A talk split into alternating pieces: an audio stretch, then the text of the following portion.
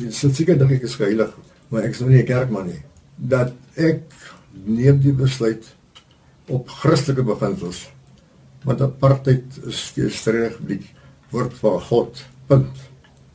So het JHP of Henny Serfontein die redes vir sy teenkanting teen apartheid beskryf in die dokumentêre film Our Man in South Africa wat deur sy dogter Anlie vervaardig is. Serfontein is in 1933 gebore en het in Pretoria skool gegaan. Sy jarelange vriend en kollega, die skrywer en politieke kommentator Max de Pre, verduidelik Serfontein se grootwordjare en die kopskuif wat gekom het.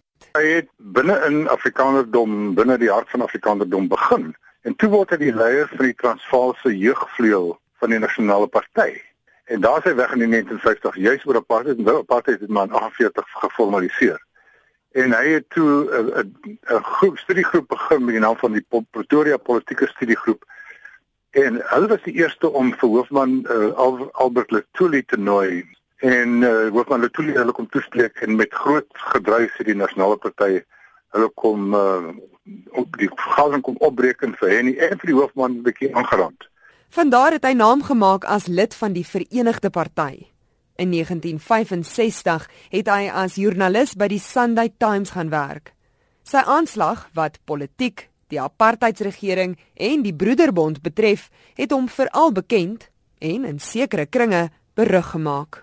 Sy eerste boek was oor die gekonkel binne die nasionale party deur Albert Hertzog. En in 1960 by die Sunday Times het hy begin om die Afrikaner Broederbond se geheime te ontbloot. Daarna het nog boeke en ook nog dokumentêre films gevolg. Hy was wel belese oor kerksake en Afrika politiek en was goed bevriend met hoëgeplaastes in die politieke kringe op die vasteland, soos Samora Machel, Beyers Nodee en Oliver Tambo.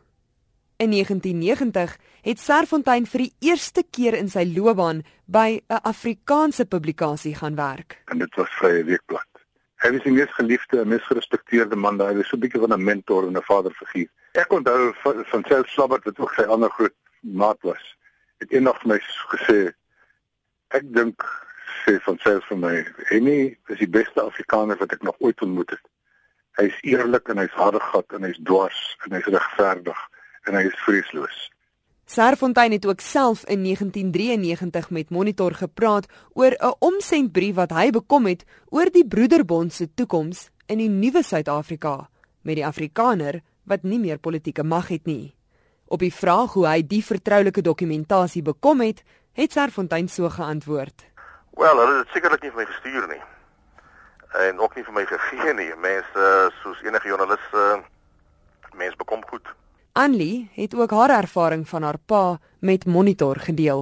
Hy het ons nie weggesteek of weggehou van dit wat sy besluit was nie en ons as familie het almal daaronder gelei. Um, ons is uh, verstoot deur die Afrikaner gemeenskap en dit was 'n ontsettende hoë prys um, wat hy en ons betaal het, maar ons het hom nooit verwyd nie. Toe hy teen die einde van sy lewe vir ons gesê het ek is jammer wat ek julle as kinders aangedoen het, het ek en my sussie vir hom uh 2 jaar gelede gesê, nee, ons is baie trots op jou. Ons wil liewer so 'n pa gehad het wat vir ons van 'n jong ouderdom geleer het wat is reg.